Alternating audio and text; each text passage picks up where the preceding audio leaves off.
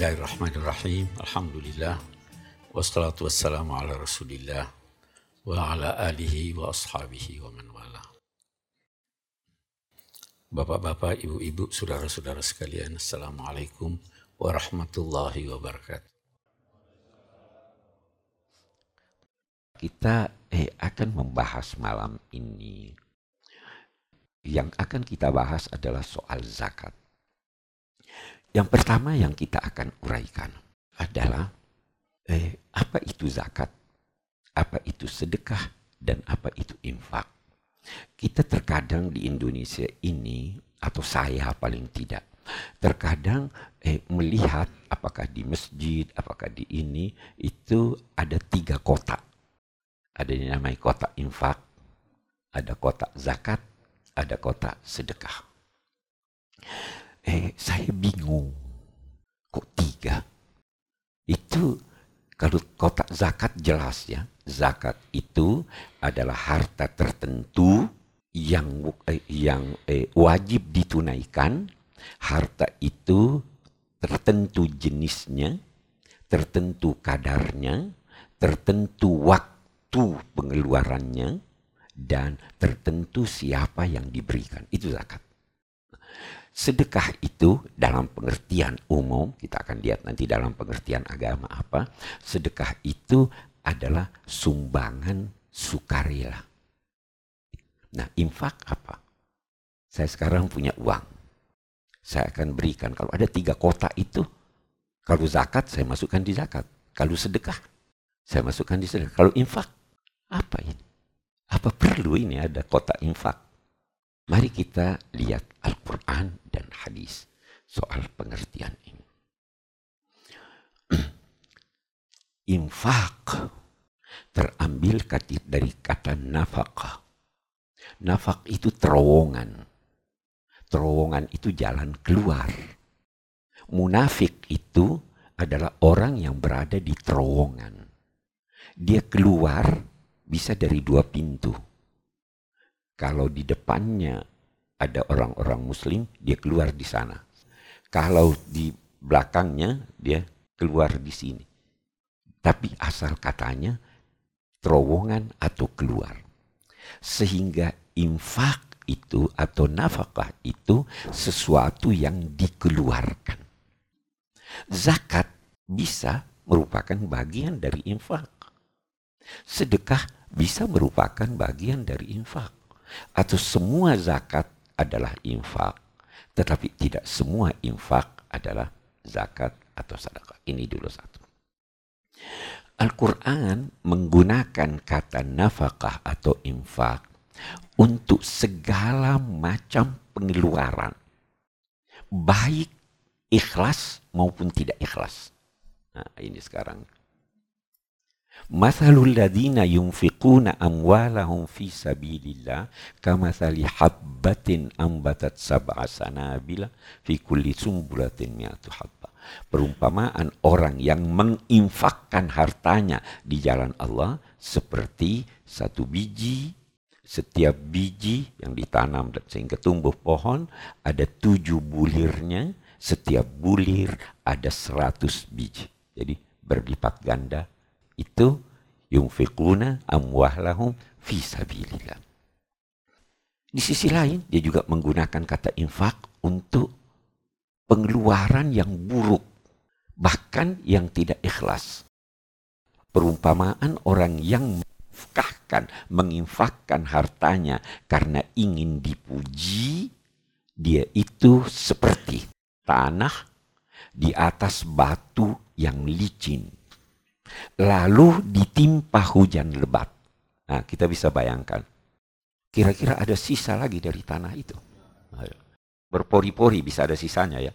Atau kalau hujannya tidak lebat. Nah, ini nafkah digunakan oleh Al-Quran untuk sesuatu yang tidak ikhlas atau sesuatu yang jadikan eh, eh, atau digunakan untuk mendukung hal-hal yang bertentangan dengan nilai-nilai agama. Al-Quran melukiskan orang-orang musyrik yang menafkahkan harta mereka untuk membendung ajaran Islam itu dia gunakan yunfiquna amwalahum. Mereka itu akan menyesal. Jadi kesimpulannya infak adalah pengeluaran apa pun ikhlas atau tidak ikhlas untuk tujuan baik atau tidak baik.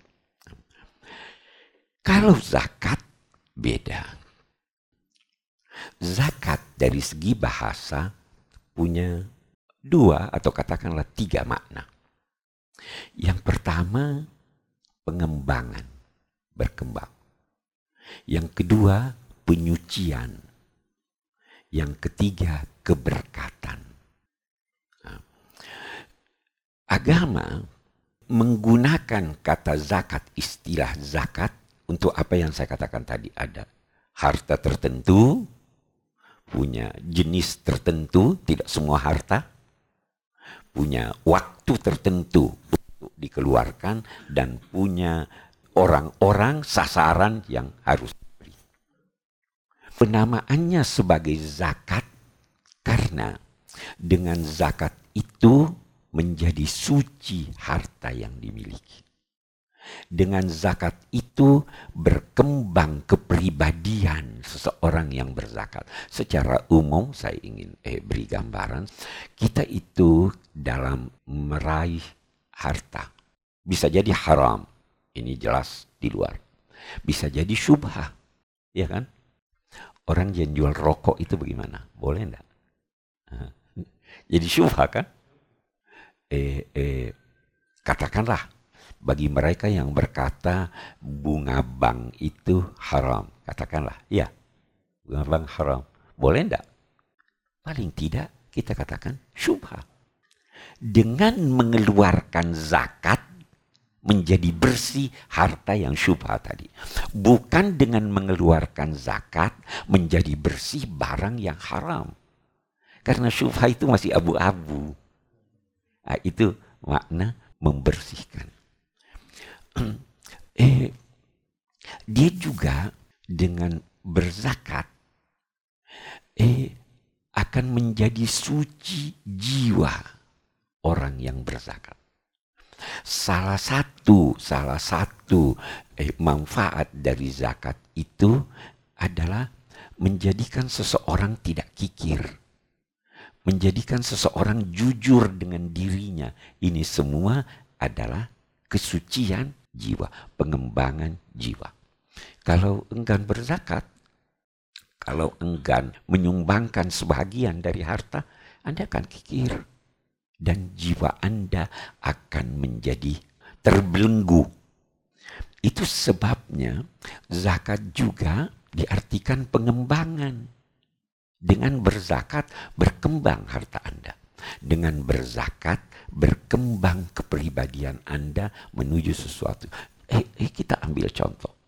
Pengembangan ini bukan hanya dalam arti spiritual, tapi pengembangan itu juga berarti material.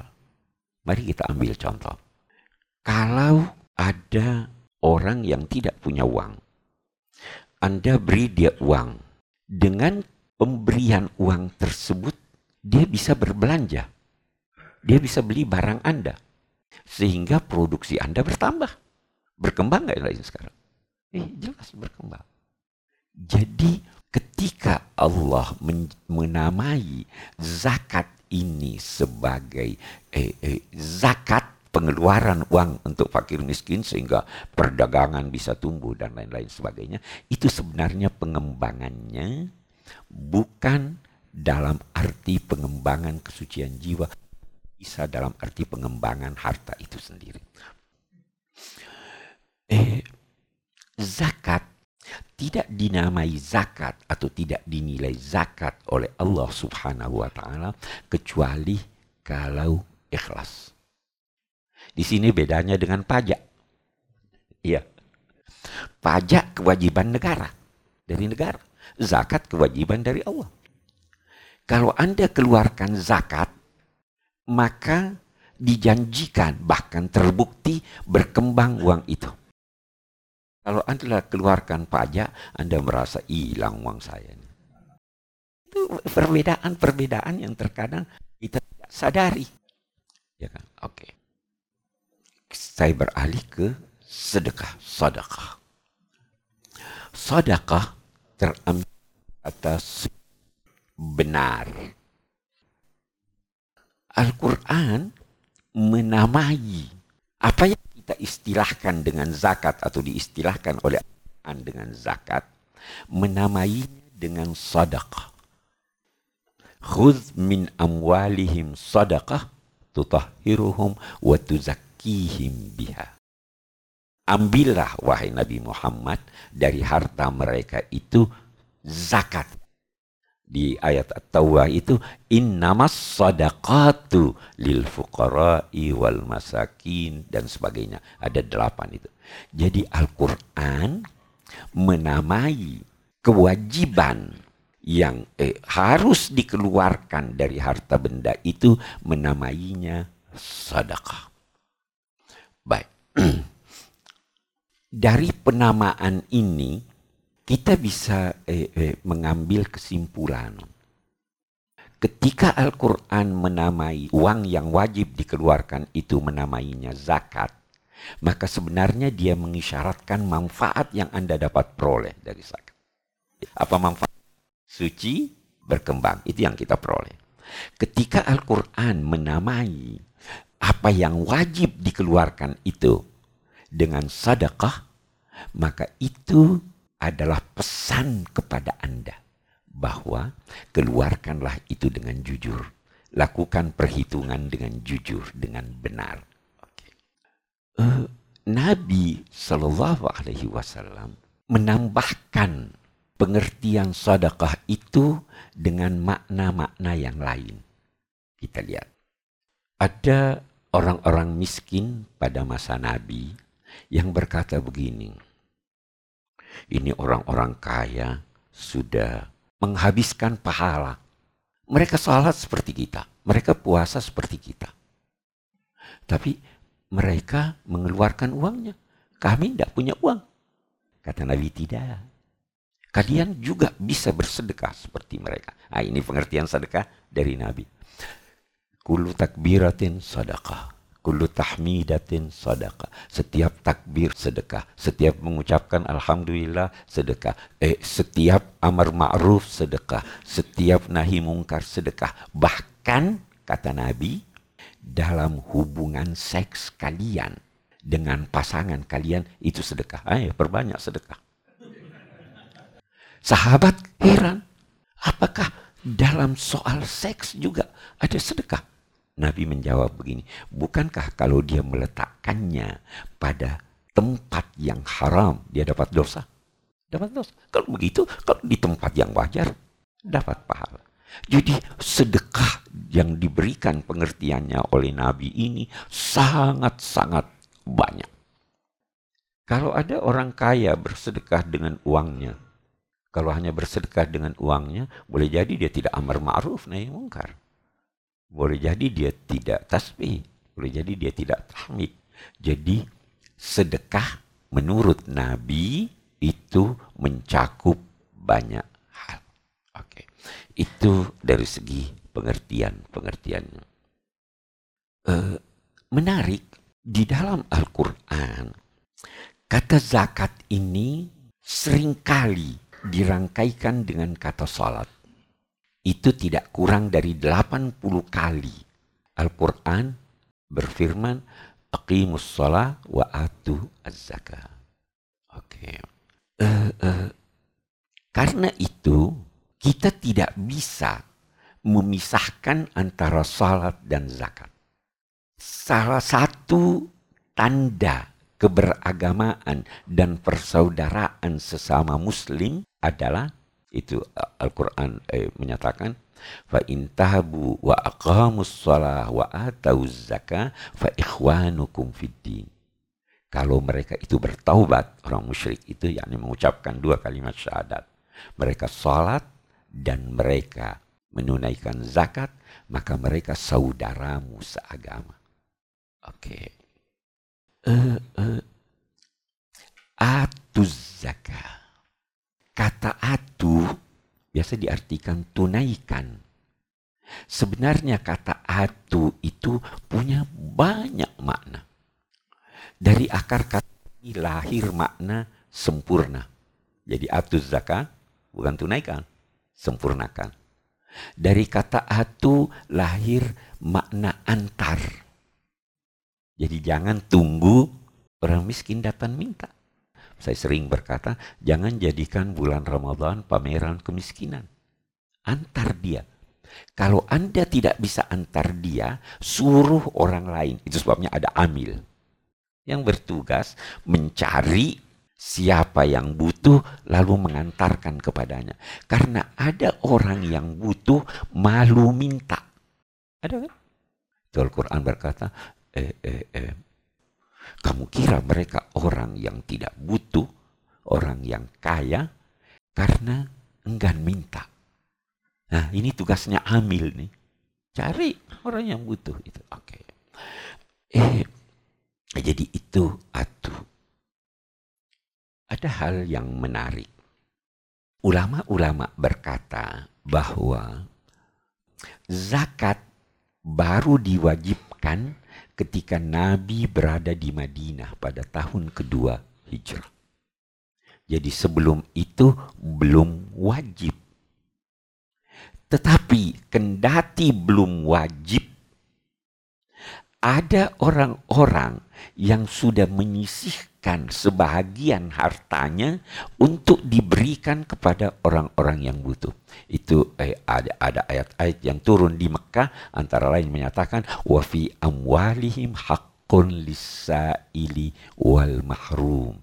Dan dalam harta-harta mereka itu ada harta yang mereka sisihkan sebagai haknya orang yang minta dan orang yang tidak minta tapi tidak punya. Mahrum itu tidak memiliki. As-sa'il juga tidak memiliki. Sehingga yang minta atau yang tidak minta. Jadi memang salah satu bentuk atau manifestasi dari persaudaraan itu, persaudaraan apa pun, Anda bisa berkata persaudaraan sekemanusiaan, persaudaraan seagama, persaudaraan seketurunan, macam-macam. Salah satu bentuknya adalah memberi. Uh, itu sebabnya juga di surah eh, uh, uh, Al-Baqarah ayat 177 itu dikatakan bukannya kebajikan itu hanya menghadapkan wajah ke timur dan ke barat. Dia ada sebutkan wa atal mala ala hubbihi. Dia memberikan harta padahal dia suka harta itu. Jadi ada dua, ada zakat yang wajib, ada lagi sedekah itu tadi.